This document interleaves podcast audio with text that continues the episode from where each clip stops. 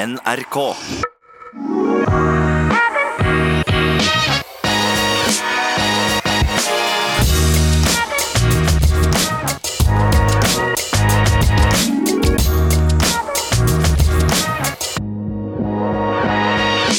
Da ruller vi i gang igjen. Velkommen til en ny episode av I det lange løp. I dag skal det dreie seg om sko. Ikke hvilke som helst sko, men løpesko. Eh, Henrik Northug, som var innom i forrige episode, han kommer tilbake som eh, lovet. Og det er stort sett dere lyttere som stiller spørsmålet til vår skoguru. Da skal vi diskutere det meste som har med løpesko å gjøre. Men før det må vi innom Christian Ulriksen, min uh, makker. Hvordan er det der ute i verden? Hvor befinner du deg? Nei, av alle syke ting så har vi faktisk funnet veien til Mosjøen nå. Det er jo en av de plassene du må på sånn der ekte postrute med, med Widerøe, enten via Bodø eller via Trondheim. Men vi har nå kommet oss opp hit på et vis. Ja, det kan ikke si jeg har vært der så mye. Jeg har kjørt igjennom. Vært i Mo i Rana et par ganger og gått på ski. Det er vel det nærmeste, egentlig. Men det går fint i nord. Ja da, vi kom oss opp hit, og det var både fine folk her og for så vidt fine fasiliteter. Så skal vi nå gjøre det vi kan på arbeid, og så var det noe bra vær. Så av alle ting så har vi fått tatt oss en 20 minutts joggetur her oppe òg, så jeg vil alt i alt si at det har vært en bra dag. Ja, du er fortsatt på den lengden? Ja, altså, vi kjører jo Var jo innom på banen der som vi hadde sist, og så har vi jo fellesøkt med han Burås og kompani på torsdager der på, på Voldsløkka. Var jo faktisk inne litt folk der fra TV 2 forrige uke og filma litt og debatterte, debatterte litt om skotøy, så vi stiller opp der på torsdager. Så ellers så holder vi det kort. På sykkelen har vi nå Fikk meg I går var det jo mandag, da, så fikk meg noen to timer da. Var pumpa ut der til Nittedal og tilbake. Fikk rygg på noen gamle folk med elsykkel, og så ble jeg knekt av en par unggutter med ordentlig sykkel. Så det var oppturer og nedturer i går òg. ja. men det er bra. Da har du begynt å sykle litt ordentlig. Det, det er ikke så verst. Jeg var faktisk og sykla i dag, jeg òg. Eh, til bading med familien. Familien tok bil, jeg tok sykkel. Bada litt sammen med familien, og så var det bare å sette seg på sykkelen og sykle hjem igjen. Så da fikk jeg sykla noen meter. Jogga litt med vogn før i dag. Eh, har en bra løpevogn, så det er ikke noe problem i utgangspunktet, men var så dårlig form at det, er noe av det verste jeg har vært med på. Så vidt jeg klarte å flytte meg, altså. Det er eh, Jeg vet ikke hva som går av meg, men jeg er jo helt ute av balanse her, tydeligvis. Så ja, et par dager, så var det, et par, par dager siden var det helt, helt fint. Så ja, det svinger litt. Men noe toppform er ikke sikte med det aller, aller første. Altså. Må innrømme at etter at London Marathon uh, røk for oss vanlige dødelige, ikke for eliten, så hjalp det ikke på motivasjonen. Nei, jeg ser den. Jeg tror både du og jeg skal være glad for at verden ligger nede for telling, ellers så hadde det vært eh, trasige greier.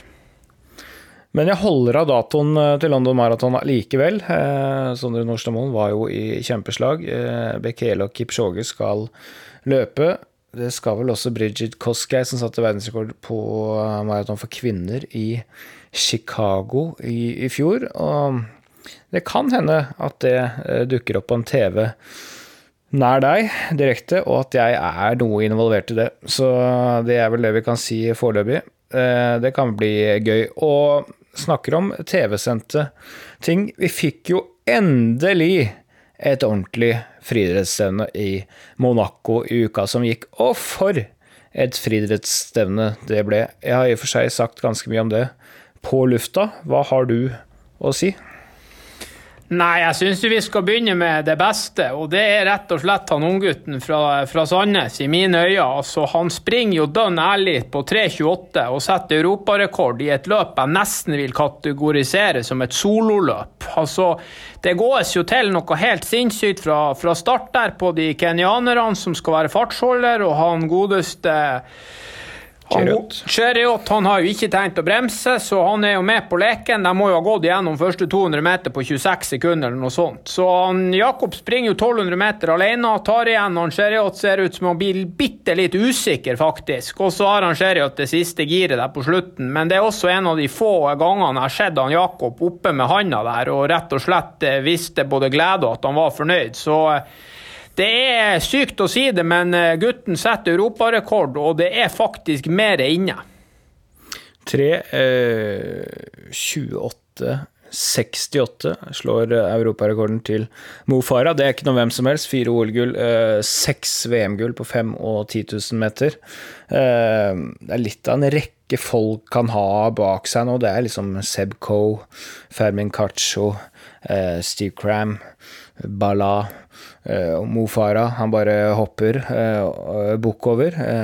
Også ny norsk rekord, da. Den hadde jo Philip på den litt irriterende 3 30.01.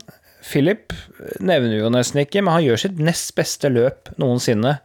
Eh, rett over 3.30. Og han fikk jo et, et, fint løp i rygg på, på Jakob, eh, men eh, gutta med snitt der på 3.29,5. Raskeste i Norge før familien Ingebrigtsen dukka opp, liksom 3.37. Det er nesten ikke Det skal nesten ikke skje Nei, at en norsk tenåring og, og hans bror leverer det der.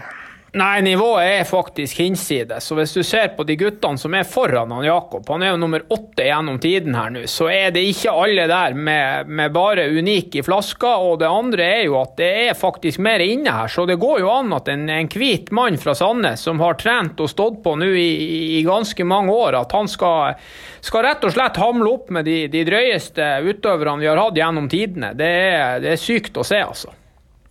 Det er klart, hadde han hatt en rygg hele veien der, så hadde han jo løpt 3.27. Jeg kan ikke skjønne noe annet. Ja, så du kan tenke deg et scenario der det settes opp til even pace og verdensrekord med to harer som springer hjem fart, og han Jakob får ligge bak han Sherriot. Da er jeg faktisk usikker på om det rett og slett kan gå inn en verdensrekord. For måten han Sherriot springer 3.28 på der, er jo helt absurd. Fyren bremser jo en to-tre ganger og springer et jojo-løp, og, og, fortsatt så springer han på 3.28, så det er det er muligheter her nå, og det er jo et nytt stevne nå i Stockholm, så det er jo rett og slett bare å sette seg ned foran skjermen. Både Filip Jakob og Cheriot er påmeldt. Eh, det er i Stockholm. Jeg tror 1500-meteren eh, går 16,50, hvis jeg ikke husker feil. Eh, Iallfall satt opp foreløpig. Det kan jo endre seg fra vi spiller inn, inn på tirsdag. Jeg så også at brødrene Ingebrigtsen dukka opp på pressemelding fra Brussel. Og da er det 1500 meter som gjelder der òg. Eh, og, og, der løper også Sondre Norstadmoen timesløp mot Mo Farah. Kan bli en stor norsk kveld. Eh, så det begynner å bli ting å glede seg til, iallfall. Ja, det er en vanvittig situasjon vi har i norsk friidrett. Og så får vi håpe at det finnes noen journalister med ja, jeg skulle si oppegående eh, fornuft på hva som foregår, sånn at vi får idretten litt mer opp og frem. Og så får vi håpe dem som driver på med TV-produksjon på Diamond League-nivå, kan forstå at de er nødt å filme mer enn bare han første. Og når folk går i mål, så er det ingen vits å filme en mann som står i ro og ser på ei klokke. Da må man filme dem som kommer inn i mål. ja. Eh, vi er jo som regel til stede når vi kommenterer Diamond League, eh, men pga. reiserestriksjoner og Frankrike ble rødt, og de fleste andre land er rødt nå, så blir det ikke noe reising i år, ser det ut til. Eh, og da er det sånn at da sitter vi i en kjeller på NRK Marienlyst og ser akkurat de samme bildene som dere. Denne gangen så fikk vi ikke tider på, på resten av utøverne heller. Så når 5000 meter gikk, f.eks., så var det håpløst da å følge med på, på Per Svela og Henrik Ingebrigtsen. Vi fikk opp en, en melding der om at det sto DNF, did not finish, på Henrik. Eh, med Per Svela sitt eh, meget gode 13.23-løp var det jo ikke stort å få se. Men det var jo brukbar løping, det som skjedde foran der òg. Så at det ble et visst fokus på Joshua Cheptegay, det er jo til å forstå. Ny verdensrekord. 12.35 dundra inn eh, under Bekeles verdensrekord, som har stått i 16 år. Det var litt av et løp. Der føler jeg jo at, at dette lyset Uh, som gir harene full kontroll på hvor fort de løper, det, det, spiller en rolle, altså. Ja, hvis man ser på de rundetidene til Cheptegei, så er det ganske ufattelig hvor jevnt det går an å springe. Han gjør løpet bitte litt progressivt med et lite sekund der på slutten, men ellers så ligger han altså og dunker på, på 61,2 til, til 60 blank omtrent hele veien. og og det at man har fartsholdere i starten for å få satt den riktige farta, er nå én ting, men når han springer der alene fra 2200 meter eller noe sånt til mål, så springer han jo eh, kun med det lyset han har å forholde seg til, og, og jeg tror det lyset der har en del å si. Ja, jeg ser ikke bortsett fra at Bekele kunne løpt like fort hvis det lyset hadde gått i i, i 12.35 fart den gangen, for 16 år siden. Eh, men det er jo tillatt nå, og det er kommet for å bli. Det Ja. kan jo hjelpe til eh, at vi får jevne, godt disponerte løp med hare som setter riktig fart fra første meter. Ja, så syns jeg underholdningsverdien av å se på blir også større. Én ting er når folk som meg og deg som sitter med omtrent med ei stoppeklokke og følger med på rundetiden. En annen, en annen ting er noen vanlige folk som følger med og som, som skjønner at det her går fort og at det går mot verdensrekord. De får jo en helt annen illustrasjon og en helt annen følelse av hvor nært det faktisk er. Så eh, alt i alt så er jeg jo stor fan av det lyset. Jeg på min side skulle gjerne sett at lyset ble slått av, kanskje ut på siste runden. Eh, fordi at eh, det er en runde igjen, da ser man hvordan det ligger an. Og så ser man jo, det er ikke tvil om at det blir verdensrekord, for han ligger bitte litt foran lyset hele siste runden. Men hadde det vært slått av siste runden, så hadde det vært litt usikker nesten fram til mål om det gikk. Så der, det er nesten så det tar litt av spenningen på det siste, men det kommer litt veldig an på hvordan løpet er, da. Eh, men det er nå så. Det er mulig at jeg er litt gammeldags på akkurat det. Men jeg var aldri i tvil om at dette ble verdensrekord på den, på den siste runden der, i hvert fall. Nei, man har jo fått prata noen timer idrett med Renato Canova i mitt liv, og det var to verdensrekorder på løping han trodde at ble å stå veldig, veldig lenge. og Det ene var den 5000-meteren til Bekele, og det andre er den 3000-meteren til Komen. og Så eh, får vi se her på 3000-meter, men, eh, men at han Cheptegei kan springe noe uhorvelig fort på en 10 km òg, det skjønner vi. Og, og den rekorden på 10 km mener jo han Renato kunne vært eh, 25-55, liksom. Så det er mulig vi, vi får se 25-tallet på 10 000 meter òg nå. Jeg er i hvert fall helt klar på at han er god for å sette verdensrekord. Han er i mine øyne kanskje mer enn 10 000-løper enn han er 5000 løpere. Han har løpt så fort på 5000, så, så jeg er ganske sikker på at han er god for å løpe under 26,17. Om vi er helt ned på 25-tallet, om han orker å gjøre en satsing på det, det vil jo tida vise.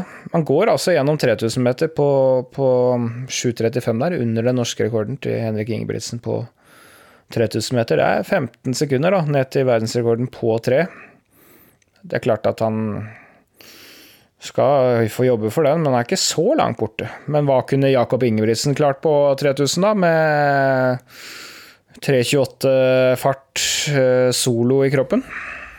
Nei, det blir jo ren spekulering, men at han springer under 7,30 er jeg ganske overbevist om. Og da er vi nede i et selskap med veldig få andre utøvere. Da begynner vi å snakke om han Komen og han Bekele og han eh, ja, Hisham El og sånne folk. Og det er faktisk dit vi er kommet med han Jakob, at hvis det skal sammenlignes noen resultater nå fremover, så må vi se på de ypperste vi har hatt noensinne. Og, og vite at fyren står på ei tredemølle nede, kjell, nede i kjelleren der i Sandnes, uke ut og uke inn, og pumper på med, med helt enkel trening som, eh, og en laktatmåler, det er fascinerende. For, eh, for når han kan bli så god, så er det faktisk en del mennesker som kan bli ordentlig gode å springe òg, uten hjelpemidler og uten å ha vært født i Afrika.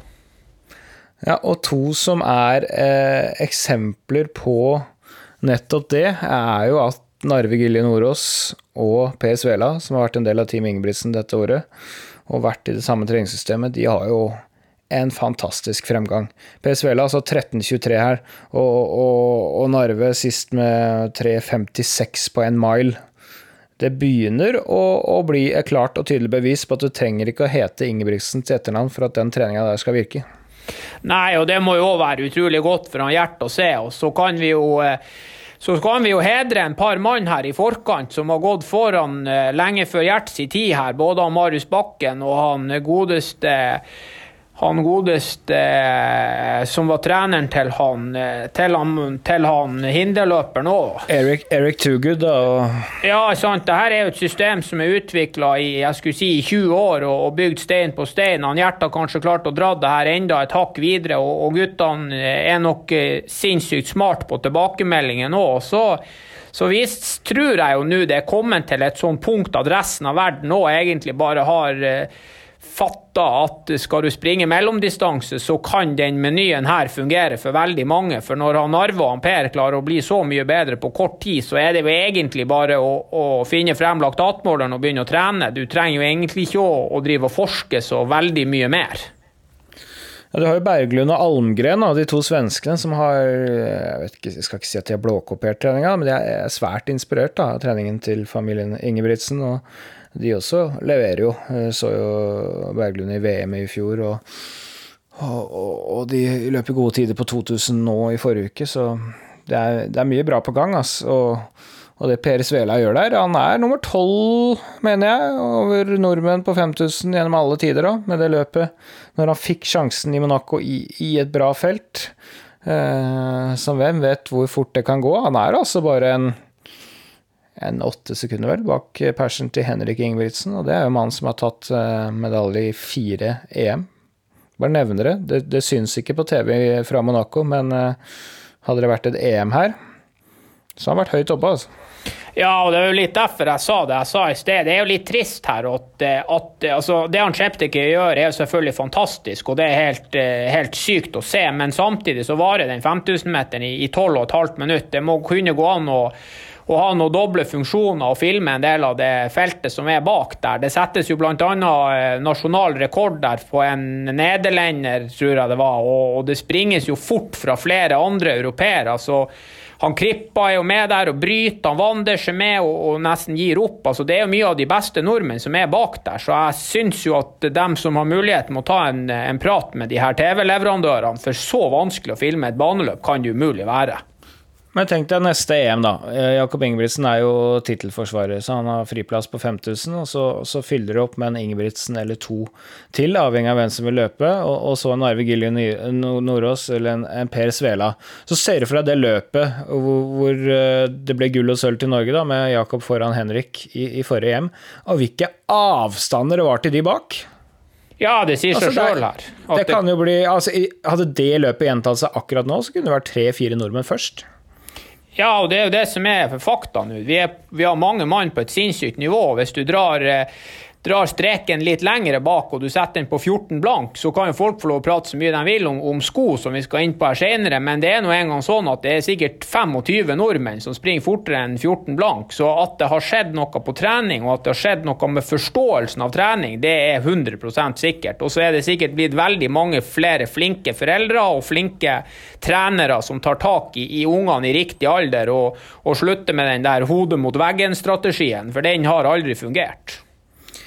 Ja, men det er bare å fortsette å jobbe på, altså, for det skjer litt i utlandet. Hoppen satte nederlandsrekord, det er meget bra løp. Eh, vi vet at det beste eh, tyske med ringer på sitt beste er, vanskelig å slå. Krippa nevnte du fra Italia. Eh, det er noen briter som løper veldig fort. Bare se på 3.29-løpet til, til Whiteman på 1500 nå, og det er gutter som løper fort på 5000 der òg, så det blir ikke noe enkelt da med uansett, men, men, nå er vi med, altså.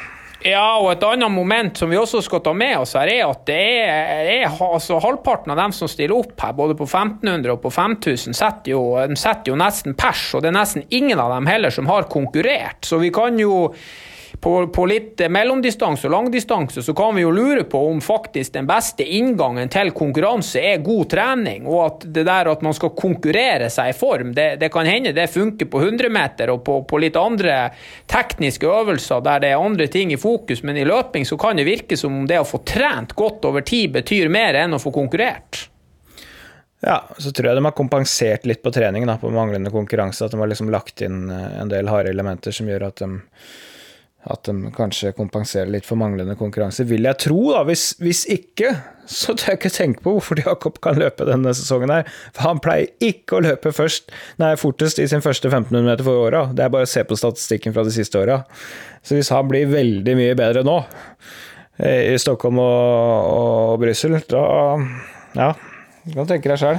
Ja, og det er, andre, det er ikke veldig mange bedre treningsgrupper i verden enn den treningsgruppa de har fått etablert ned i Sandnes nå. altså. Hvis du eh, fyller på med Philip, som egentlig holder til i Oslo, så er det ganske høyt nivå her. Da må vi nesten bort på den Bowerman-gruppa der i, i, USA for å ha lignende nivå av en samla gjeng.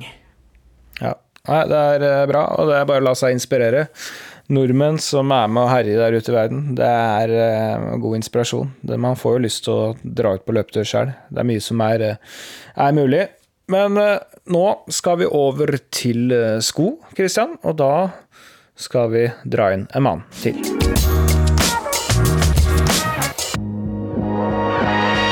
Det er på tide at vi får i gang skopraten, og da har vi selvfølgelig dratt inn igjen Henrik Northug butikksjefen på løpelabbet på Lade i Trondheim. Og vi la jo ut et bilde der hvor han eh, løp lett og ledig på innsiden, egentlig foran Jakob Ingebrigtsen. Han er jo en god løper, eh, Christian, men eh, så god løper er han egentlig ikke, så det, det bildet ljuger vel bitte litt. Ja, altså han er definitivt bedre på å selge sko enn han er å springe, men han er en fin fyr og han gjør en ærlig innsats, så vi skal gi han en sjanse her i dag òg. Ja, velkommen tilbake, Henrik. Takk for det. Du tok sjansen. Ja da, jeg vil bare skyte inn at det bildet dere har tatt eh, etter at Jakob ble konfirmert, i hvert fall. Ja, det, det var ikke så mye seinere, da. Det gjelder å plukke sine moments. Det er bra. Nei, nei men du er, jo, du er, jo, en eh, kar som kvalifiserer seg til NM. Eh, der ligger omtrent nivået ditt. Du er under 15 minutter på 5000. Mm. Det er jo den eneste eh, som snakker i denne podkasten her nå, som er det. Så vi andre skal bare klappe igjen, og så skal vi snakke litt om, eh, om sko. Og det første jeg lurer på da, Henrik, er hvor mange sko eier du? Oh, det Da skal vi nok eh, godt opp i tosifra, ja. I, I, fast rotasjon nå så har jeg vel kanskje tolv par, men uh, uh, i hele skoparken så snakker vi vel fort over det dobbelte, ja.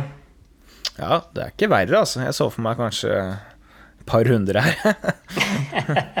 Nei, det er fint å ha en mølle i butikken, så man får, man får testa det meste uten å punge ut for mye og legge for mange kilometer på dem, sånn at man i hvert fall har litt egen erfaring på de aller, aller fleste modellene i segmentet. Hvor mange har du i en eller annen skuff eller hylle eller en gang eller på loftet eller i kjelleren, Kristian? Nei, før Nike eh, stramma til her med teknologien, så hadde jeg en sånn fire-fem Adidas-sko som gikk på rotasjon. Men etter hvert som eh, pengeboka er blitt større og interessen eh, har gått oppover, så har også skoparken blitt litt økning. Så kanskje jeg har 20 par joggesko. Alt fra tynnslitte 1000 km-sko til noen nye Alphafly. Da tror jeg jeg vinner, altså. Det er mulig jeg er litt dårlig på å kaste sko, men jeg, ja, hvis jeg går gjennom her, jeg er sikker på at det er 50 par eh, nedover etasjen i dette huset her. Jeg tror jeg må rydde litt. Men eh, en viss interesse for løpesko er det her. Eh. Men du snakka om tolv i eh, rotasjon.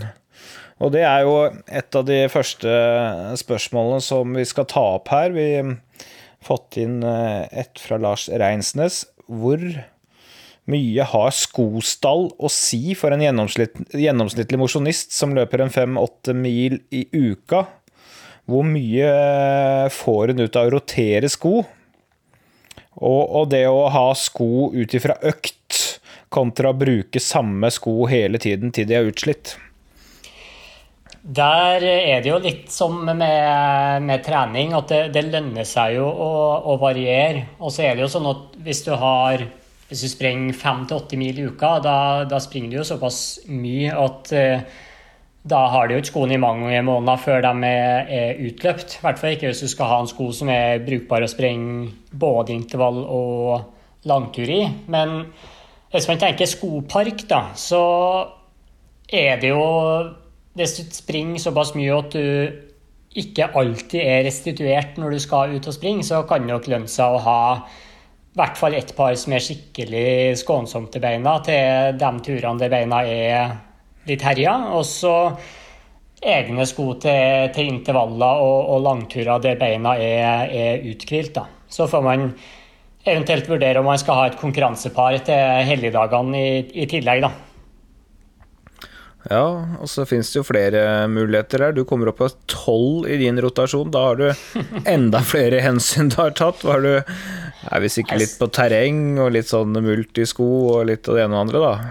Ja, altså hvis du, hvis du tar med piggskoen, da er jeg jo eh, veldig glad i å springe med, med piggsko gjennom eh, hele året. Så, og det er jo ikke nok med bare ett par piggsko heller, så man må jo ha en mellomdistanse og en langdistanse piggsko. Og så blir det jo fort en altså Konkurransesko er jo de artigste skoene, så det er jo der jeg går på smell etter smell. Så jeg har jo skapet fullt av kjempeartige konkurransesko som eh, blir brukt eh, altfor eh, sjelden. Også det som blir brukt mest, det er jo de der lette sånn rundt sånn 200-220 grams sko som er fine til både raske langturer og lange terskeløkter. da. Er du sånn at du med årene har eh, Eller nærmest skyr de tyngste mengdeskoa? Heller motsatt. Det, når du begynner å krype opp mot veteranalder og fortsatt prøve å trene hardt, så er det noen dager i uka der eh, man må prøve å sveive beina i gang og gjerne vil ha noe som er mykt og comfy, men så lenge jeg er restituert, så prøver jeg å styre unna veldig tunge, myke sko. da. Mange sko har du i fast rotasjon når du trener ordentlig, Kristian? Nei, vi har jo i hvert fall ett par sko som er konkurransesko, men som, eh, som ikke brukes i konkurranse. da, Så et, et, veldig bra intervallpar. Og så har jeg jo stort sett aldri økt på bane med piggsko, så piggsko det finnes det jo, men de brukes jo eh, like ofte som vi feirer jul. Og så har jeg jo en par gode treningssko, da. så eh, ja, en, fire-fem par der som mer eller mindre går litt på skift, avhengig av hvor ødelagt man er i beina. Og så, eh, og så en, ja, kanskje to par som man varierer med på intervall. Ja. Jeg har også sko jeg bare bruker på mølle. Da. Det er jo litt mer sånn uh, rengjøringsmessig, uh, kanskje. Uh, men jeg liker å holde det litt atskilt sånn, så da får jeg inn litt flere sko i rotasjonen der. Det er jo én variant. Men dette med å variere sko, du, hvor stor tro har du på det, Henrik, at det er skadeforebyggende? Det kommer veldig an på treningsmengden, da. Eh, er du der at du alltid har en hviledag eller to mellom løpeturene, så kommer du veldig langt med én god sko som er nok dempa, men samtidig lett nok til å sprenge intervallene dine i. Mens eh, springer du si 40 km og oppover, og kanskje varierer litt på underlag òg, så tenker jeg jo at det er en fordel å bruke og differensiere litt, da, sånn at den lette skoen kanskje er litt ekstra lett, og så er mengdeskoen litt snillere til beina. Og så er jo ikke jeg den som lurer meg opp i terrenget så ofte. Hvis jeg først er der, så er det helt uh, ufrivillig. Men sprenger man jo først i terrenget, så lønner det seg jo å ha en egen sko til det, så ikke du ødelegger veiskoen med gjørme og myr og svineri, da. Det, det, er flere grunner til at man kanskje kan ha egne sko der. Kommer jo veldig an på terreng og kommer veldig an på været. Du eh, bor jo i Trondheimsområdet. Da er det jo vått uansett når på året der, så da er det jo bare å ta hensyn til det, vil jeg tro. Da er det tørt på mølla. Det er tørt på meg. Øystein Wergeland eh, er en kar som sikkert er, dere kjenner til. Eh, tror dere det gir flere eller andre typer skader hvis man løper de fleste turene med karbonsko? Og da snakker han vel med da om sko med karbonplate, som jo har vært på markedet i mange år, men som har blitt meget populære da de siste tre årene. Det spørs jo hvor langt tidsperspektiv man snakker der, da. Altså Moderne karbonsko, i hvert fall de mengdetreningsskoene som kommer med karbonplate, de har ei ganske kurva plate, sånn at du, du blir jo mer, mer, eller mindre passiv i fotbladet inni skoen. Uten at du øker belastninga så mye på nedre del av eh, legg som du gjør med en flatere karbonplate.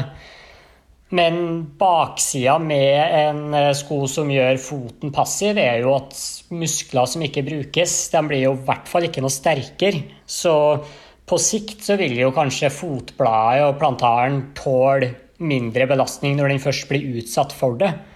Så spesielt eh, folk som skal konkurrere i piggsko eller sprenge intervallene sine av og til med litt smidigere sko, så så er det et poeng å, å, å, springe nok med sko som det er litt bevegelighet i såla på, sånn at du faktisk eh, beholder styrken i foten. da.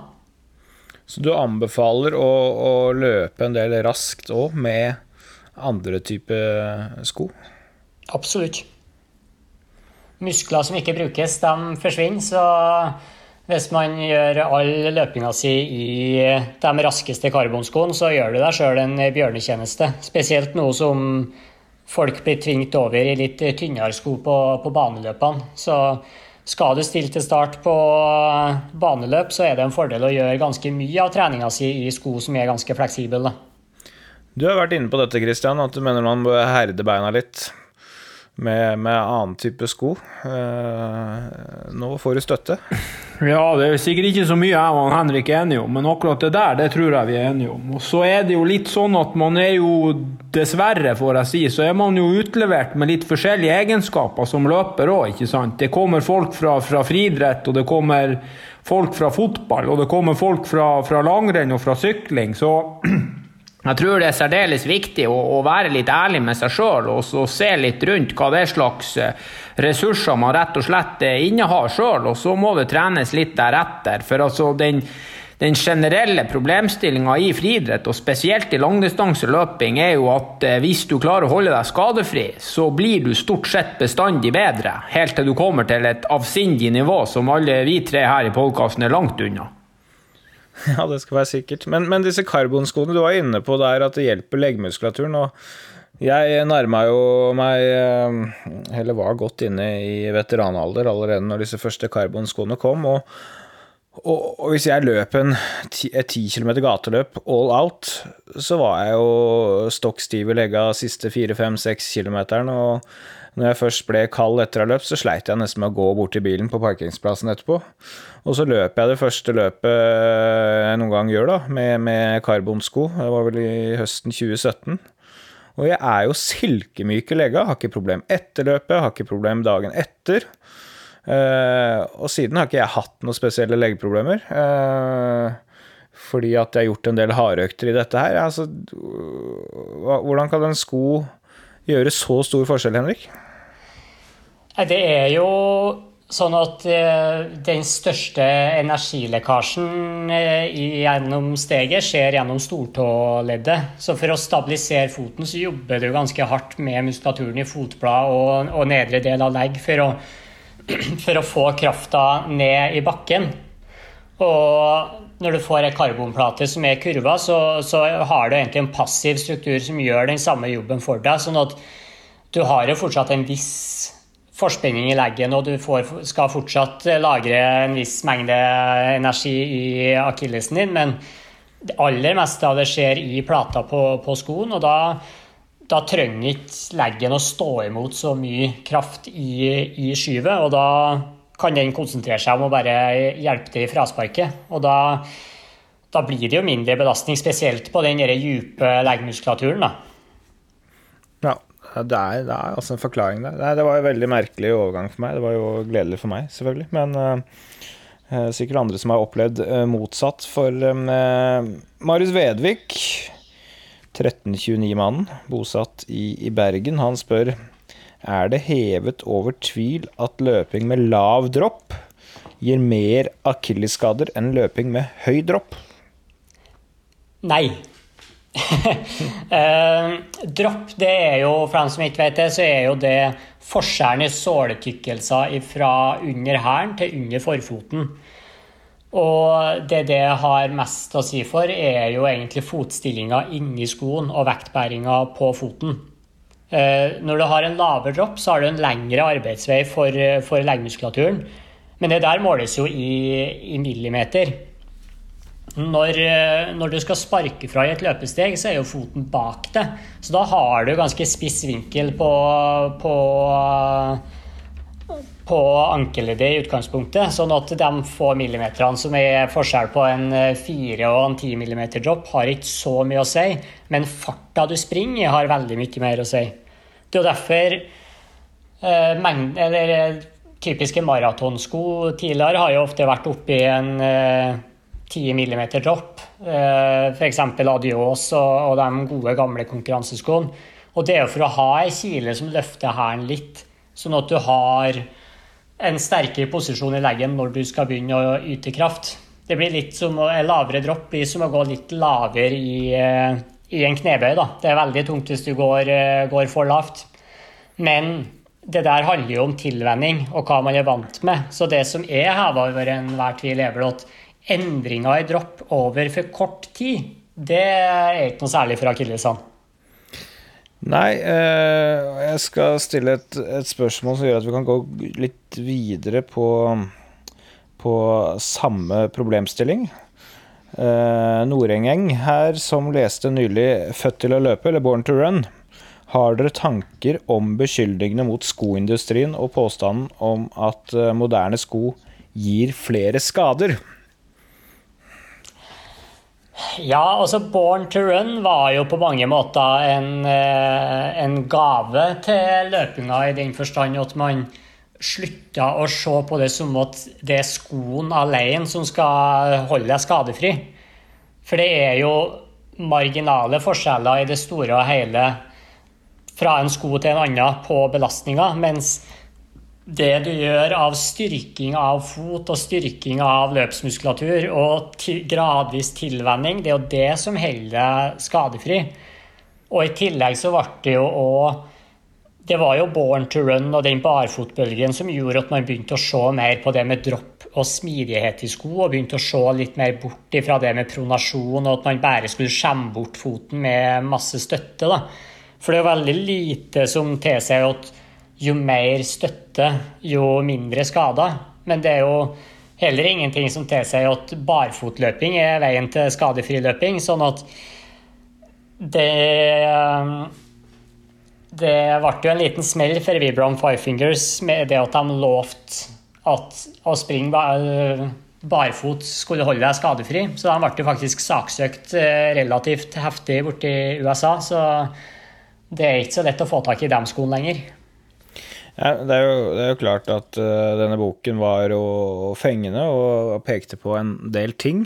Og så var det jo en del jeg si, ivrige mosjonister, uh, supermosjonister, som uh, uh, heiv seg veldig på denne bølgen, og som kanskje da bytta veldig brått til type barfotsko. Noen ville kanskje trene litt bare, helt barfot òg, og trodde de eh, var ABB Bekila som vant eh, OL eh, på maraton eh, barføtt i 1960, var det vel. Eh, og den overgangen der er jo ganske brutal. Så det, den tilvenningsfasen ble glemt, og da ble det en del skader, altså. Vi fikk jo ganske mye mye spørsmål rundt de skoene, og vi solgte jo ganske mye av dem i en del år òg. Og det var jo akkurat det med tilvenninga der folk eh, skulka. For at skal man begynne å springe barfot eller i barfotsko, så må du i hvert fall glemme alt som har med fart å gjøre. Det, da handler det om å springe rolig, rolig i fart der du klarer å være aktiv i støttempinga sjøl. Begynner du å sause inn at du skal springe intervaller og springe harde økter og tøffe økta med barfotsko, så er veien kort til ødelagte fotblad.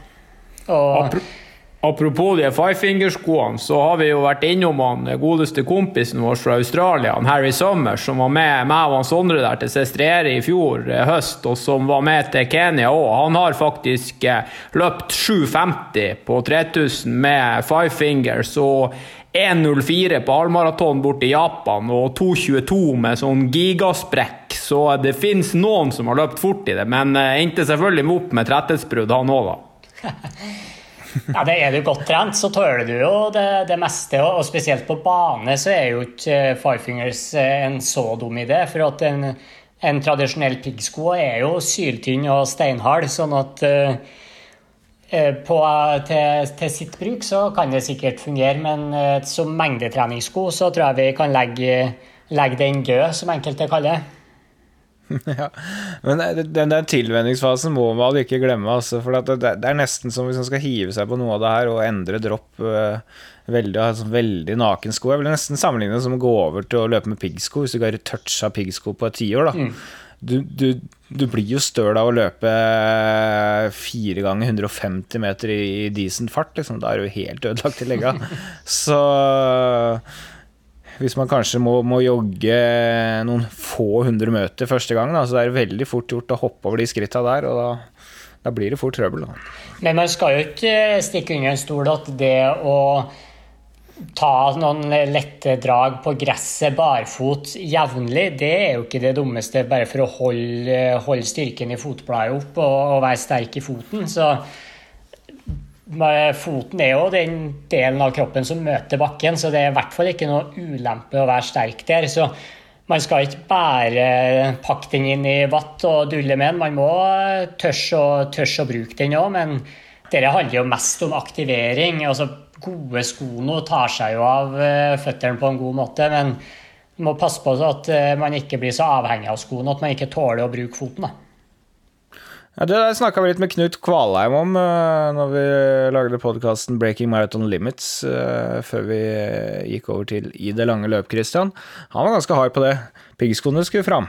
Ja, og han var jo inne på viktigheten av å få løpt jevnlig på asfalt med, med tynne sko og, og hele tida på en måte holde leggene i, i, gang. Og ja, hadde jo en del øvelser, både tåhev og ikke minst litt sånn der uh, Eh, hopping, som Ingrid Kristiansen også holdt på med, så de hadde eh, stort fokus av det. Han Knut kan jeg vel sitere på at han sa at han trodde han klarte faktisk å holde seg mer skadefri av å springe på asfalt, for at han var blitt så vant til det.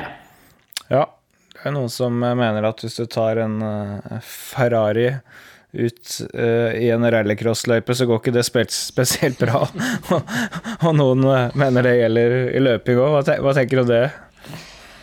Nei, Det er jo eh, sånn at alle er best på det man er, trent for. Jeg er jo helt hjelpeløs hvis det ligger ei rot eh, på bakken. Så det man gjør mest av, er jo det man er best uh, trent for. Og det er jo akkurat det samme med asfalten. Man skal jo ikke være redd for å springe på asfalt, man må bare være vant med det.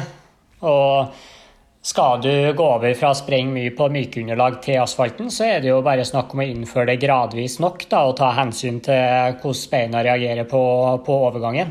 Ja. Det er dette med overganger som er, er viktig. Uh, vi, vi, tar et spørsmål um, som får meg til å tenke litt tilbake i tid. Når jeg kjøpte løpesko for en 15-20 år siden, hvor mye har stabilitet i skoen egentlig å si? Pronasjon osv. Er det viktigere for nybegynnere enn de som har løpt mye? Og er det viktigere for de som lander på hæl, eh, sammenlignet med de som lander forfot? Ja, altså Pronasjon det er jo et eh, omdiskutert eh, tema, og der er det jo greit å komme med noen eh, oppklaringer. Eh, for det første så er det sånn at alle har en pronasjon. Eh, pronasjon det er jo bevegelser foten har gjennom kontakttida i bakken. Og det er jo en del av kroppens egen støtdemping, og den, den, skal jo være der. Eh, og så liker ikke jeg helt det ordet normalpronasjon, for det får det til å høres ut som at det er det som er rett, og så er alt annet galt. Eh, men det er jo ingen som helst sammenheng mellom en ustabil pronasjon og mer eller mindre skader. Eh, for gjennom steget vil man søke bakken litt mot utsida på foten.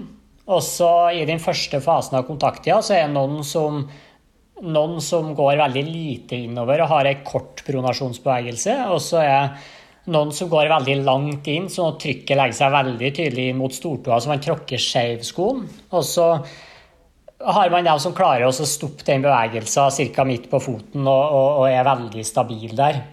Men det er jo ingenting her som er rett eller galt. Eh, og det er verken nødvendig å korrigere det, eller sånn at man blir mer skada hvis man sprenger med en sko som man tråkker skjevt i.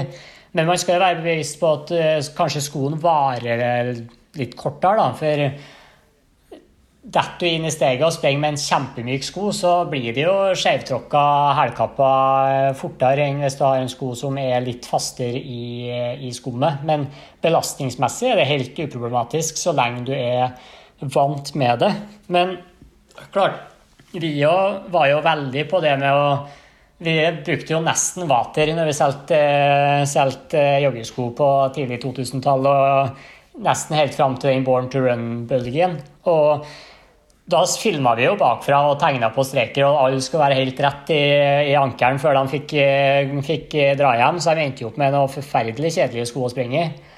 Eh, men etter hvert som forskning har eh, Eh, lært oss mer, og, og, vi, eh, og det har kommet flere typer sko med så annen sålegeometri på markedet, så kan man løfte blikket litt og se mer på hele steget og hvordan man tar bakken og hvor aktiv man er i støtdempinga sjøl. Sånn at det med pronasjon isolert sett, det er jo ikke spesielt interessant før man enten kan relatere det til konkrete skader, eller at eh, og det er kanskje det viktigste. At noen liker å sprenge med sånne sko. For eh, komfort er jo kanskje det viktigste å bruke når man skal finne seg en sko. Hva som kjennes godt ut. Og hvis du som løper syns at en stabil sko kjennes bedre ut å sprenge så skal du jo lytte til det. Det var Johannes Gårde som stilte det spørsmålet. Så er det en som heter Stekkeren her, som eh, går litt videre. Er behovet for støtte i forbindelse med pronasjon like stort på raskløp som rolig? Mange løper jo, mange løper jo med mer eh, støtta sko som, som mengdesko enn en disse typisk litt raskere skoene. Ja, altså er det noe ute på intervalløkt f.eks., så har det jo en del variasjon eh, underveis i økta i, i, fart. Men uavhengig av type økt, så er det ikke spesielt interessant å korrigere en overpronasjon før du har noen plager relatert til det. Det finnes veldig få lettvektsmodeller som i realiteten er spesielt stabile med tanke på en eh, pronasjon. Og så lenge du har styrke i, i legg- og støttemuskulatur til å tøle å dette inn, så skal du unne deg sjøl å sprenge med sko som er litt smidigere og, og artig å sprenge i. Nettopp. Eh, et artig eh, spørsmål fra en som heter Henning Kjonsvik her. Hvilke skopar har du knyttet sterkest bånd til opp gjennom årene?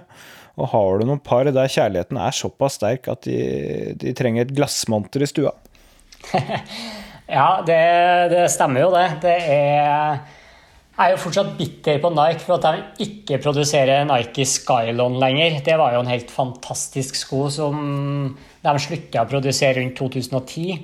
Og jeg hadde jo et par som jeg sprang til jeg nesten var nedi med hælene gjennom sålen. Eh, men når jeg til slutt måtte pensjonere dem og kaste dem i søpla, så gikk det jo mange år før eh, ja, det var vel For to år siden nå, så fant jeg et par i Australia på eBay i størrelsen min. Så dem, dem har jeg fortsatt ikke klart å, å, få meg til å bruke på trening. Så de står i et glassmonter hjemme hjem til enkelte i husstandens eh, store fortvilelse. Men skal de noen gang ut av glassmonteret? Nei, Det er jo en eh, relativt god løper som heter Henrik Ingebrigtsen, som sa noe sånt som at eh, han har et par stående ubrukt i gangen, og dem skal han gravlegges i. Og jeg er vel ganske nærme den, den holdninga der sjøl. Jeg, jeg, tok dem på meg på julaften, og det, det, det var både godt og feil på samme tid. har du like sterkt forhold til skoene dine, Christian?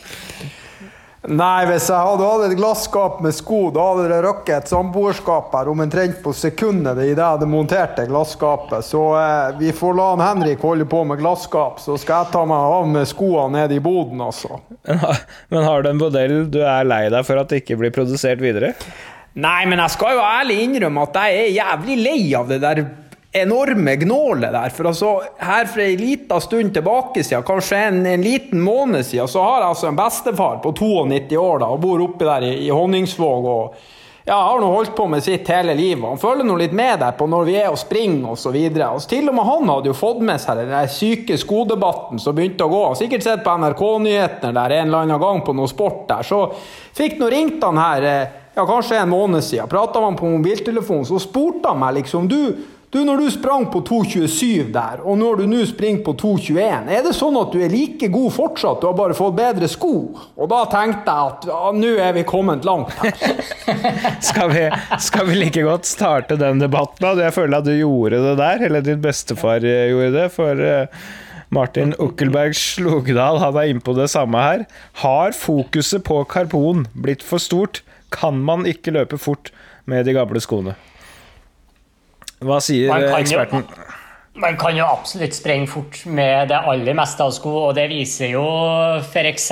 Eh, den 10 000, eller 10 km gaterekorden som ble satt i sent i 2019 der, for det, det, var jo på en helt standard racing flat fra, fra Adidas. Så det, det, er ikke sånn at man må peise på med karbon for å, for å få fart på, på fotene. Men det som er spesielt med akkurat denne Vaporfly-sagaen, det er jo at man for første gang noen gang klarer å ha en labstudie lab-studie som er gjort over flere omganger, er standardisert, som faktisk viser at det her er en sko som gjør at det går fortere.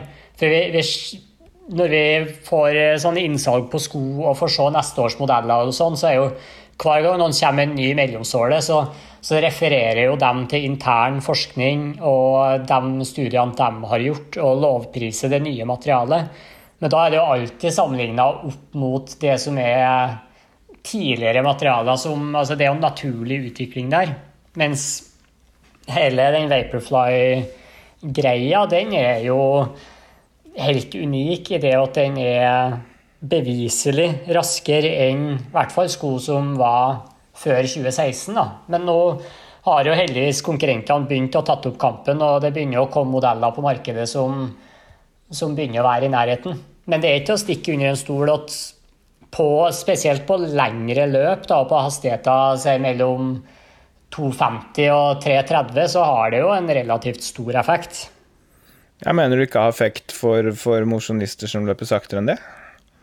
Jo da, men uh, blant de tingene studiene viser, er jo at uh, effekten av skoen uh, øker jo kortere kontakttid man har i bakken. Så man ser at folk som har en, en kort, kjapp touch i bakken, får litt mer, mer igjen av, av skoen og bedre, større bedring i løpsøkonomien. men det er jo en annen ting som er spesielt med den. at Ofte når man ser på sånne studier, så er det jo sånn at man har noen som responderer veldig bra på det, og så har man noen som er sånn midt på treet, og så er det jo alltid noen som er negativ responder òg, men det fantes jo ikke på den skoen der. Man hadde jo folk som var ned på null komma noe, men eh, det var i hvert fall ingen som sprang saktearmen. Ja, Men sammenlignet med hva da, i den forskningen? For det savner jeg litt. 4% bedre løpsøkonomi, ble det hevdet. og Noe mener jo Next er enda mer, og det har vært forsket. og 4% bedre sammenlignet med da. Den mest Nike Streak 6. Ja, så det er med, med, mot en egen sko, da. En tidligere litt mer sånn generell eh, konkurransesko. Ja, den første, den 4 %-studien, den tok utgangspunkt i det som var deres konkurransesko maraton på den tida. Så det vil jo si ja, OL Rio 2016. Da var det Nike Streak 6. Og så tok de utgangspunkt i den, og så målte målt forbedringer opp imot den. da. Ja. Men i og med at vi har deg på podkasten her nå, og så at vi alle sammen er god venn med han godeste Ola Sakshaug, så er det jo greit her å bare få spurt deg nå med en gang. For han mener jo da at at maraton i Berlin i 2021 det avgjøres i et par vanlige Adidas Adios-sko, og dem som springer noe annet, dem får ei anna resultatliste. Så da er jo mitt spørsmål til deg. Jeg har sprunget på 2,25 i Adidas Adios, og på 2,21 i Next, og 2,22 i 4 er du, er du liksom av den oppfatning at at du snakker om, om 4% så betyr det jo at jeg ikke er blitt bedre? Nei, altså der òg er det jo så stort sprik, da. Så for å kan si noe om hvor mye hver enkelt løper har igjen for det, så må man jo putte dem opp på mølla og, og måle løpsøkonomien. Og det, det, skal du få slippe å gå gjennom, men eh, det er noe for gærent hvis ikke all den treninga du har gått gjennom siden da, har gjort at du har blitt i hvert fall litt bedre til å sprenge. Så jeg skal, jeg skal, ja, men... gi, deg, jeg skal gi deg to minutter på forbedringa på treninga, i hvert fall. Du mener altså at det er så borti svarten sykt? 240, altså 120 sekunder altså på 42 km. Det er bare pga. skoene? Ja, altså du, kaller, du kaller deg jo sjøl Mr. Non-Responder, så vi, vi, kan jo håpe at du er non-responder på skoen der òg, da ja, men altså, det jeg lurer på når vi driver og tester En ting er jo å springe ti ganger tre minutter på ei mølle. En annen ting er jo effekten når du kommer til 30 km i Berlin og det stort sett er over for han Ola, og vi andre som er trent for distansen, springer ifra ham. Så, så er det jo liksom noe med, med den der effekten jeg òg liksom lurer litt på. For, for, det er jo ikke til å legge under en stol at, at du trenger ikke å være maratontrent for å springe fort på maraton. Altså, det er bare å se i, i Dubai og andre løp der det debuterer etiopiere som springer på går rett fra 5000 meter til å springe på 2,05. Det har aldri gått an før. Det er jo det som er så, så interessant med den skoen der. for Det er jo ikke sånn at den øker oksygenopptaket ditt. Det er jo sånn at uh, den, den, gjør at du først og fremst får mindre mekanisk belastning, for at det er en såpass dempa sko. Eh, sånn at eh, når man vanligvis har eh, banka sund det som er av muskelfibrer når man runder 30 km, så er man jo mye friskere muskulært i en sånn type sko kontra en sånn tradisjonell racing flat. da. Ja, så han Steve Jones som åpna på 62 blank omtrent i Chicago her på 80-tallet, i tynne sokkelester og kom i mål på 2.07, han er like god som Kipchoge? Skal ikke bort ifra det. Det er Du det hører, som er så fint Du hører det er her, Jan. Det er jo Bare å få verdens skrevet ned hele enkleste episoden her. Du har tråkka litt på Christians eh, ære her nå. Nei, men det, det, dere, dere, det, det er jo en beviselig effekt der, men, men som sagt Folk varierer jo veldig fra veldig stor effekt til nesten ingenting. Sånn at jeg skal ikke, skal ikke slå helt bein på sjøltilliten til Kristian, for han har jo forbedra seg på mange andre distanser òg, men Men det er jo i samme skoene, dessverre. det er jo ikke til å stikke under en Nei, det er ikke til å stikke under stol at det går fortere med en, men eh, det er jo det som er spørsmålet om om man skal begynne å regulere det der, for at det har så stor effekt. Og, og der er jo jeg litt sånn eh, usikker, for å si det mildt, da, på hva, hva jeg lander på på, på gateløpene. Men at det ikke har effekt, det kommer man ikke unna med, da. Men det vi, det vi alle må være enige om, er jo at verden må jo komme seg videre fra der vi var i 2016. Altså Når han Sondre står på start på OL i Rio på maraton, så springer altså han Galen Rupp og han Kipchoge med en prototype av Vaporfly, mens han Sondre springer i helt vanlige stryksko. Den, den delen av idretten, den må vi bli ferdig med. Ja, for det var jo, det var jo rett og slett Altså Det, det er jo ran på høylys dag, liksom. Ja, ja, det er jo, det er jo, på, det er jo på grensa til mekanisk doping, vil jeg si. For der, stå, der tar jo egentlig Nike og de, de sitter jo på mye data på det tidspunktet der, på at det her er en sko som vi vet at gir, gir en stor fordel, og i hvert fall på de løperne som fikk dem, for det var jo dem de hadde gjort den forskninga på i utgangspunktet. Og så det å sende dem med dem, de skoene ut i en konkurranse, det blir jo som å, at jeg skal få ta med meg en revolver inn i bokseringen mot Mike Tyson. Da. Det blir jo feige lag uansett, da.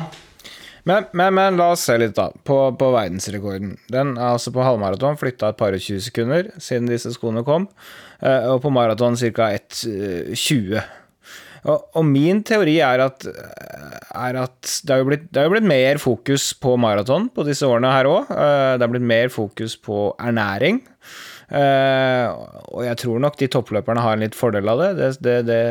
det blir noe dumt å si noe eh, helt annet. Men min teori er at litt tyngre supermosjonister, som kanskje ikke er helt topptrent for, for maraton, eh, type meg selv, er de som har størst fordel av det.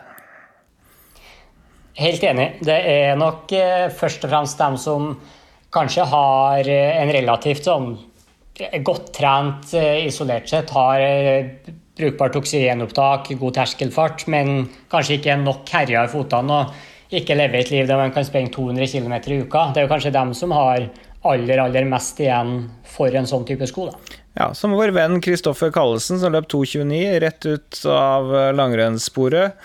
Han er jo egentlig en sånn 2,45-løper, men eh, med, med de skoa der, så, så gikk jo dette hele veien hjem muskulært. Nei da, det, det er ikke så ille. Nå får vi, får vi klage fra Kallesen igjen, men han, han tåler det. Ja, men jeg er litt seriøs på det der. Altså. F.eks. For eksempel en langrennsløper som, som har eh, veldig bra OT-opptak, er enormt bra trent. Jeg mener beina kanskje holder en mil ekstra. Da.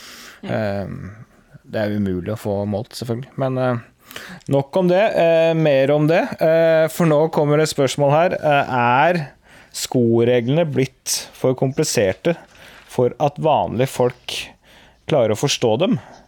Spør eh, William her.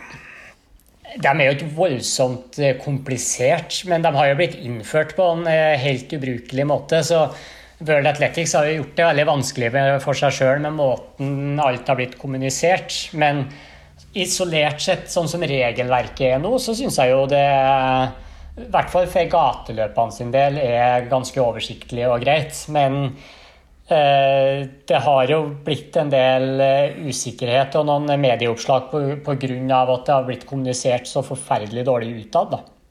Ja, det er kanskje lettere å forstå nå enn det var tidligere i sommer. Nå er det 40 mm som er grensa på gata. Og, og, og, den skoen må være godkjent av Det internasjonale friidrettsforbundet. Eh, for en stund siden så måtte den være lansert før en viss dato. Hvis den var lansert etter, så må den være tilgjengelig for alle. Hva er tilgjengelig for alle? Kunne selge dem eh, på nett eh, i Taiwan i en uke, og så var det greit. Kunne legge dem ut i en, en uh, butikk i Flagstaff i, i, i, to uker, så var det greit. Altså, da var det mye mer greier. Ja, Da var det voldsomt. Det, det, som er litt kult, er jo at eh, Nike Dragonfly var jo løplabet la det nesten først i verden eh, på selv pga. en feil på europalageret til, til, Nike. Eh, men på det tidspunktet jeg fikk den leveringa, så, så var det jo faktisk sånn at de som kjøpte den skoen, kunne ikke bruke den i konkurranser før etter fire måneder. Og det var jo det som var mye av grunnen til at jeg begynte å ordentlig sette meg inn i regelverket og snakke med forbundet og prøve å, å finne ut av hva som, hva som, gjelder her. For det, det, regelverket som var da, det var jo helt hårreisende. det var jo sånn at hvis det, hvis det kom en ny altså en Adidas Boston 10, eh, da, så måtte de vente fire måneder på å kan springe sentrumsløpet inn. Det går jo ikke. Det kunne blitt artig for arrangøren av sentrumsløpet å kontrollere. Ja, det kunne ha blitt bra butikk for meg, som kunne ha solgt meg som konsulent for å være dommer. ja, Gått gjennom videoer i et par måneder etterpå, før resultatlista kom ut i ett eksemplar only. Eh, men det slapp du også å tjene, tjene, penger på. Um, ja. Men nå, det som er nå, er at det er størst diskusjoner rundt uh, hvilke sko som kan brukes på bane. Da. Det har blitt 25 mm som er grensa. Da kanskje du kan forklare hvordan måles høyden på en sko? For det virker ikke som alle er enig der, eller? altså, vi, vi, på løplabbet vi, vi, oppgir jo såletykkelse på skoen ut fra hva vi får fra leverandørene. Men det der har jo aldri vært standardisert hvordan de måler det. sånn at det har alltid vært litt sånn eh, Når man sammenligner på tvers av merker, så, så gir det noen rare utslag. For noen måler fra toppen av innleggssålen, noen måler kun mellomsåletykkelsen, hvis noen tar med yttersålen og mønsteret i tillegg. sånn at det som har kommet på plass nå, er jo et eh, regelverk som sier at vi måler fra midt under hælen, eh, ca. 12% fram i skoens lengde, eh, og ned til bakken. Og det er det tallet som ikke kan være under 25. Og så er et tilsvarende punkt i forfoten på skoen der de måler. Og så kan ikke noen av de punktene være over 25 eh, millimeter. Men det, per dags dato hvert fall, så har det ikke vært noen piggsko som har vært eh, tjukkere enn det. Så det var jo i prinsippet bare eh, for å sette en stopper for noe, noe videre mekaniske krumspring som skulle, som skulle sørge for at verdensrekordene datt som flua. Men det er vi jo i ferd med å gjøre likevel. Ja, nå røk jo 5000-rekorden eh, til um, Bekele når Cheptegei løp 12.35 i, i, Monaco. Det er jo en annen uh, diskusjon, da. Hvor mye uh, bedre er den piggsko-modellen uh, som Cheptegei brukte, kontra den Bekele løp i 16 år tidligere? Jeg vil jo tro at den skoen Bekele sprang med 16 år tidligere, var litt bedre enn den eh, Knut Kvalheim sprang med òg. Sånn at eh, det er jo alltid ei utvikling i sko, og det vil alltid være en viss evolusjon på, på skoutviklinga. Og innafor det regelverket og rammeverket som er satt nå, så vil jeg jo si at det er snakk om relativt små forskjeller i den mekaniske effekten av skoen. Men det å putte inn avstiva plater sånn i skoen, det heller er jo ikke noe, noe nytt eller noe som, eh, som, er veldig innovativt. På sprintsko har jo det der vært gjort i, i mange, mange år. Og det har jo òg blitt gjort på, på diverse gateløpssko de siste 20 årene, så det er jo ikke sånn at det her er noe man begynte med i 2016. Nei, nettopp. Og må den platen være karbon, liksom? Altså, kan det være andre materialer som er vel så bra? Skal man henge seg opp i det? Nei, altså det, Så lenge det er stivt og uh, har en evne til å lagre litt energi i seg, så er jo det Det er jo ikke karbonplate i Dragonfly f.eks., som uh, Gay sprang med på 5000 nå. Det er jo det er vel hardplast. Uh, mens den andre nye piggskoen til Nike, som heter Air Victory, den har ei karbonplate. Men hvis du kjenner på dem og prøver å vri og vente på dem, så er jo følelsen mye av det samme på stivheten. da. Men det er mulig karbonplata kanskje beholder stivheten lenger. Ja, Jeg skal bare litt fram til det at liksom, eh, karbon har blitt sett på som den store synderen. Det er sånn springfjær. Men, Mm. eh, men det er vel mye eh, sålemateriale altså, som har noe å si her òg. Ja, og det er jo Der òg har det vært veldig stor utvikling siste, siste årene. Ifra Altså, Den godeste Ola Sakshaug som ble nevnt her i stad, han har jo maratonpersen sin fra en Brooks Launch, som er en av mine favorittsko òg, som har en sånn helt god gammeldags EVA-mellomsåle som gir 60% en- energiretur. da. For det, det måler de på sånn standardisert eh, test med å bare klemme sammen materialet og så se hvor mye det spretter og hvor fort det spretter tilbake igjen. da. Ja. Eh, Men så kom jo Adidas med det som heter Boost, som i sin tid eh, var veldig stort steg i riktig retning på, på energiretur. Og den jo ble jo satt noen verdensrekorder på, uten at folk begynte å skrike av eh, den grunn. Eh, Og det har jo energiretur på rundt 70% så ca. 10 bedre. Også nå så har det kommet noe som heter P-Bax, som er mellomsålemateriale som ZoomX, eh, altså det som er i Vaporfly og Dragonfly og de materialene der, som har en energiretur på 80% men òg har ei veldig lav egenvekt, så det både har 10 bedre eh, energiretur og er vesentlig lettere sånn eh, gram for eller samme volum, så, så vil det være mye lettere enn enn et TPU-materiale.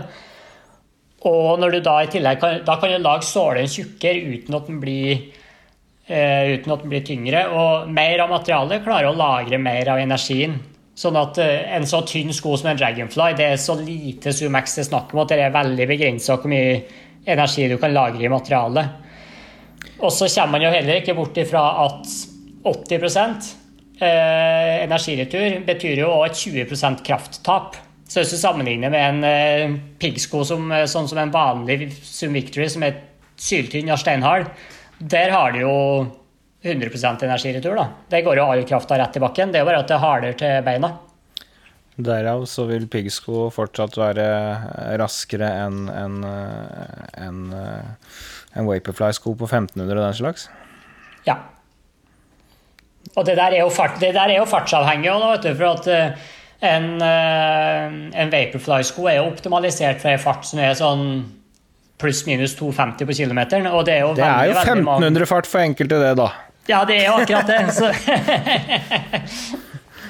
Men det, akkurat det poenget der er jo vesentlig å ta med seg. For altså, nå var nå både du og jeg til stede i Doha i fjor Jan, og så en 10 000 meter der som han eh, nevnte Cheptegay vant. Og det var jo kun én mann der som sprang med joggesko, og det var han Sondre. Og den eneste grunnen for det var jo for at han var i full trening mot Valencia Marathon, mens alle andre som løp der, de satt jo stort sett pers hele gjengen, og alle sprang jo i piggsko. Så hvis det var sånn at de mente at det gikk fortere å springe i en X-prosentsko, så hadde jo hele feltet stilt opp med en X-prosentsko. amen. Ja, det pleier å gjøre både lovlige og ulovlige ting i friidretten for å løpe fortest mulig, så det kan du regne med. Um, dessverre. Men eh, Håkon han spør jo da, og det fører meg litt videre her, hva blir det neste innenfor løpesko? Hva kan gjøres bedre? Det er jo der det nye skoregelverket heldigvis eh, gjør at eh, joggesko vil se ut som joggesko.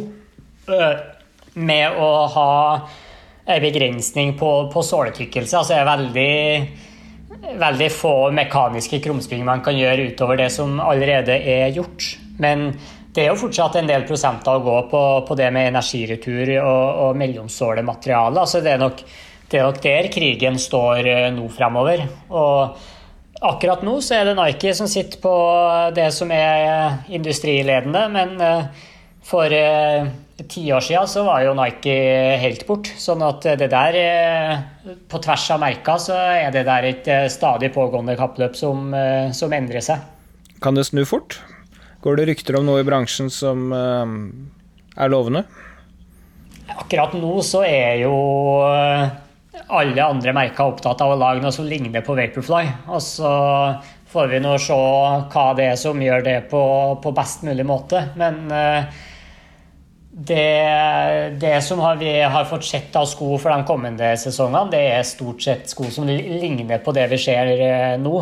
Men det jeg personlig håper kommer mer av, er jo karbonplatesko med litt tynnere såler og som gir litt mer eh, kontakt med underlaget. Da. Og som du får lov til å løpe med på bane?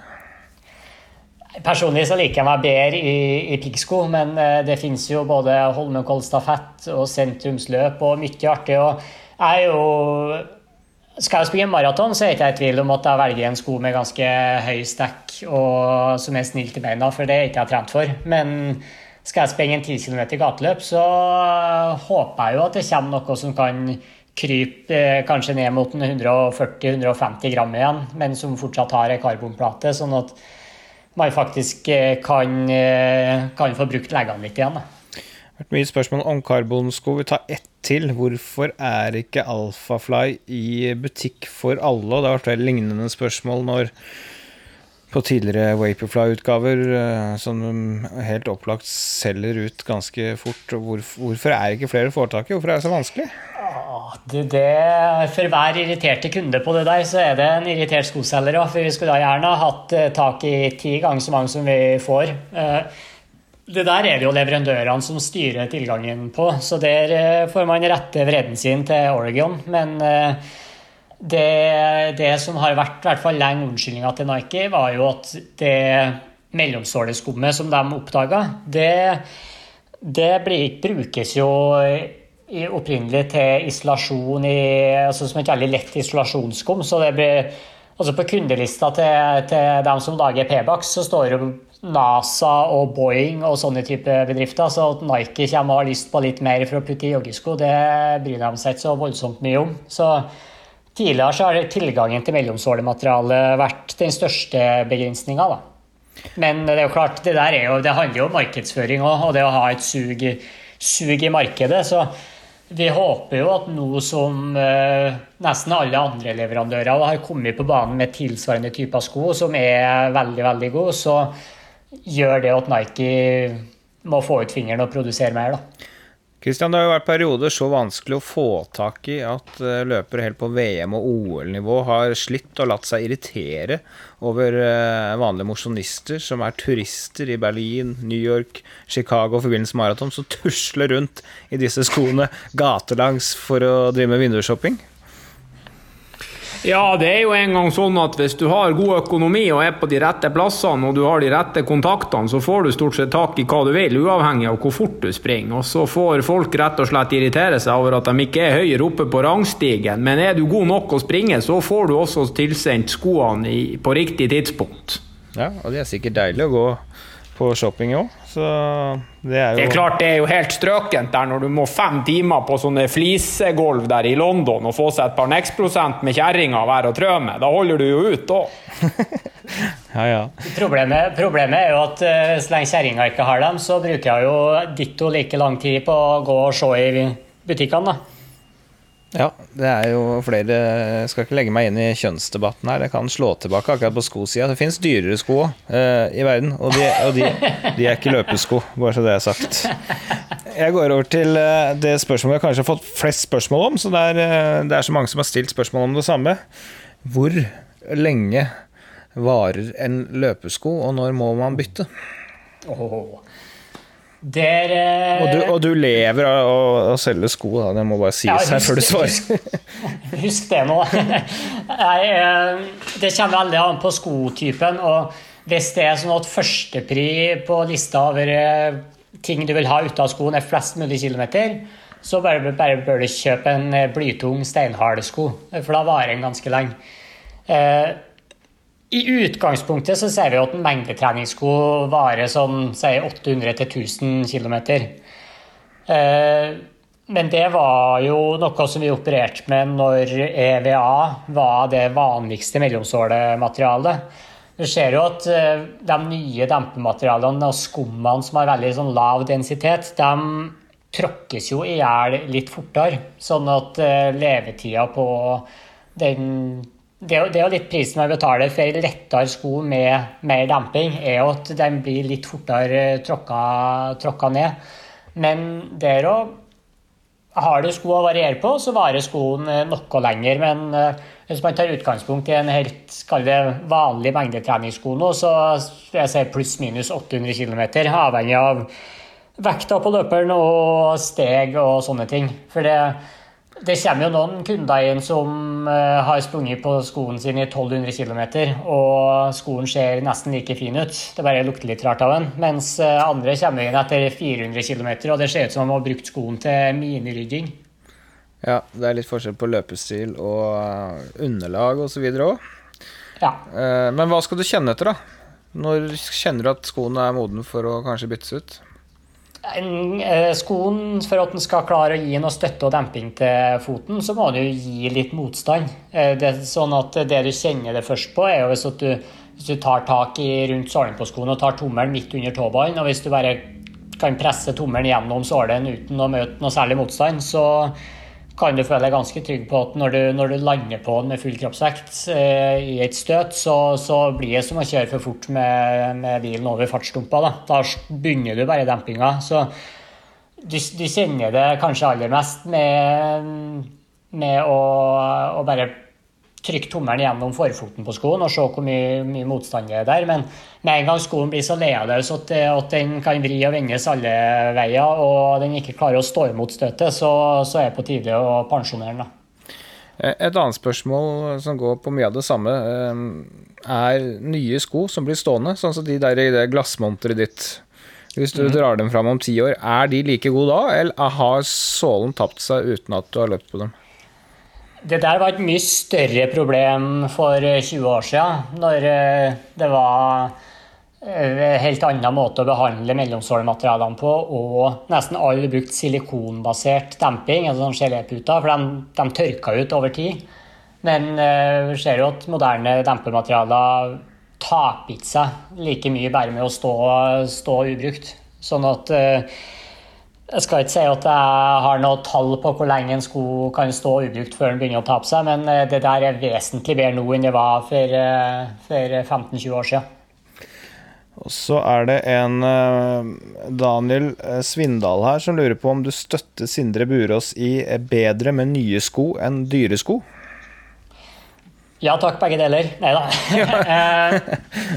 Her kommer selgeren fram. Nei, det, Nei, det er det er nok ganske godt sagt, det. Sindre var jo kollega med meg på løplabbet når jeg, når jeg begynte i Oslo, så han er jo godt skolert, han òg. Eh, og det er helt etter at en fersk såle er, er bedre enn en, enn en utløpt en. Så det er bedre å velge sko etter økonomien og, og heller kjøpe sko som er rimelige nok til at du kan skifte dem ut når de er utløpt. For det er dumt å bruke halve årslønna på en sko, og så vil du aldri kaste den for at du har brukt så mye penger på den. Men hvor farlig er det å løpe i en utløpt sko? For når jeg var i Kenya i ti dager, så så jeg altså toppløpere som løp eh, Hadde løpt inn til flerfoldige NM-medaljer, som jogga rundt der i sko som var hølete og fæle, og løpt så mange kilometer på at eh, det er ikke en norsk mosjonist som hadde sett to ganger på skolen engang.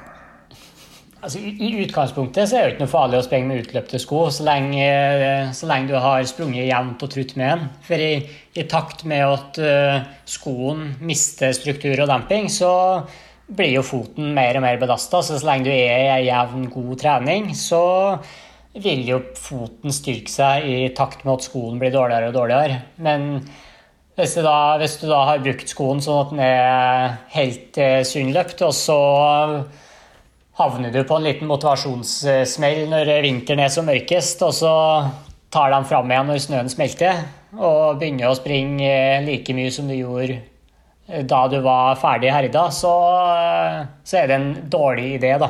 Så det å, å starte løpinga eller ta opp løpinga igjen på utløpte sko, det er det litt mer, litt mer risiko forbundet med. da. Ja, for det er jo dette med å unngå skader, som vi eh, som løpere ofte er mest opptatt av. Da. Og der, der mener du skovalg også har noe å si? Ja og nei. Altså det, skoen kan bidra først og fremst med komfort og gjøre at du, får, du syns det er artig å springe og at du kommer deg ut. Eh, det er veldig lite sånn entydig forskning som sier bruker du den skoen her, så blir du mindre skada. For at det er så stor forskjell på steg og vekt og løpertyper og sånne ting. Så den beste skoen for deg, den finner du jo med å prøve litt forskjellig, og ikke minst prøve å springe med deg på ei, på ei tredemølle, sånn at du får kjent på hvordan de oppleves i dempinga, og hvordan de oppleves på foten når du springer. For det er én ting man ikke kommer unna, det er at komfort er kongen. Så velg det som kjennes godt ut på, og riktig ut på foten. Er det sånn at det kjennes og føles helt feil ut på, så er det mest sannsynlig ikke den, den beste skoen for deg. Og hvis det er noen som kommer med en sånn magisk sko og sier 'bruk den her', så blir du skada, så er det mest sannsynlig så er jo det markedsføring og veldig lite substans i den påstanden der, da. Men så ser du enkelte toppløpere, da, som f.eks. Mo Farah, som får uh, eh, tilpassa skoene sine, slitt litt med akilles, uh, den type ting, som får lagd lavere hæler og, og sånt. Det hadde vært noe for uh, vanlige folk med litt vondter her og der og fått spesialtilpassa sko sendt i posten hele tida. Hva skal til for å få til noe sånt? verden har kommet lenger enn man tror. Altså det, det, er jo en interessant ting med det nye skoreglementet om at sko skal være tilgjengelig for alle. Da, for med den teknologien som er på vei med 3D-printing og den biten der, så er man jo ikke så gærent langt unna at man kan skanne foten i en butikk og få gjort justeringer på på høyden på kurven og hvordan hælkappa sitter, og hvordan den er kurva, og, og spesialtilpassa sko eh, helt etter kundens behov. Men eh, om det nye skoreglementet setter noen stopper for at sånne sko kan brukes i konkurranser, vites ikke. Men det, det er klart at eh, å få laga en sko etter foten, det i hvert fall på det med passform og etter egne preferanser, er nok ikke så langt fram i tid. Men eh, litt samme der som med innleggssåla. at det er jo ikke bare å sette foten i en støpeform og så lage noe som er 100% etter foten, så er det det optimale. Eller har du en fot som, eh, som eh, trenger et ekstra støtte her eller der, så vil jo ikke en, en sånn sko ta hensyn til det, for den vil jo bare være skeiv der foten din er skeiv òg. Sånn at det må alltid gjøres litt sånn små justeringer. Interessant. Eh, dette har vært eh, artig. Vi har fått gått gjennom en del av spørsmålene. Tusen takk til alle lytterne som har sendt inn spørsmål. Har du lært noe i dag, Kristian? Ja, jeg er jo ikke blitt bedre å springe siden 2015, så det har jeg jo fått med meg. Det er jo ferdig nedskrevet. Bestefaren min på 92 år der som har bygd opp halve Nord-Norge etter andre verdenskrig, han vet fortsatt hva han prater om, så fremover så må det trenes. da, da har jeg iallfall fått et viktig budskap. Ja, du har fått flere følgere på Instagram, da. Ja. men, men uh, hvis vi hadde fortsatt den diskusjonen der og brakt inn flere stemmer her, så tror jeg vi kunne diskutert i et halvt år sammenhengende strekk uten å bli enige. Så vi ble vel ikke helt enige i dag heller. Så du får ta til deg det du, det du vil, Kristian. Det beste preller av. Ja. Det er sant. I hvert fall på han. Tusen takk for at du var med, Henrik. Ikke noe problem. Lykke til i uh, Norgesmesterskapet. Takk for det. Vi får uh, prøve å få sveiva fotene i gang igjen. Det er bra. Det er bra.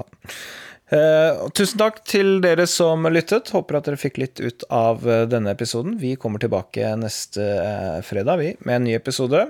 Og innimellom så kommer vi til å be om spørsmål om nye temaer til nye gjester. Og da er det en fordel å følge oss på Instagram i det lange løp for da får dere muligheten. Og kanskje er det ditt spørsmål som blir besvart neste gang vi ber om det. Takk for nå. Håper vi høres igjen.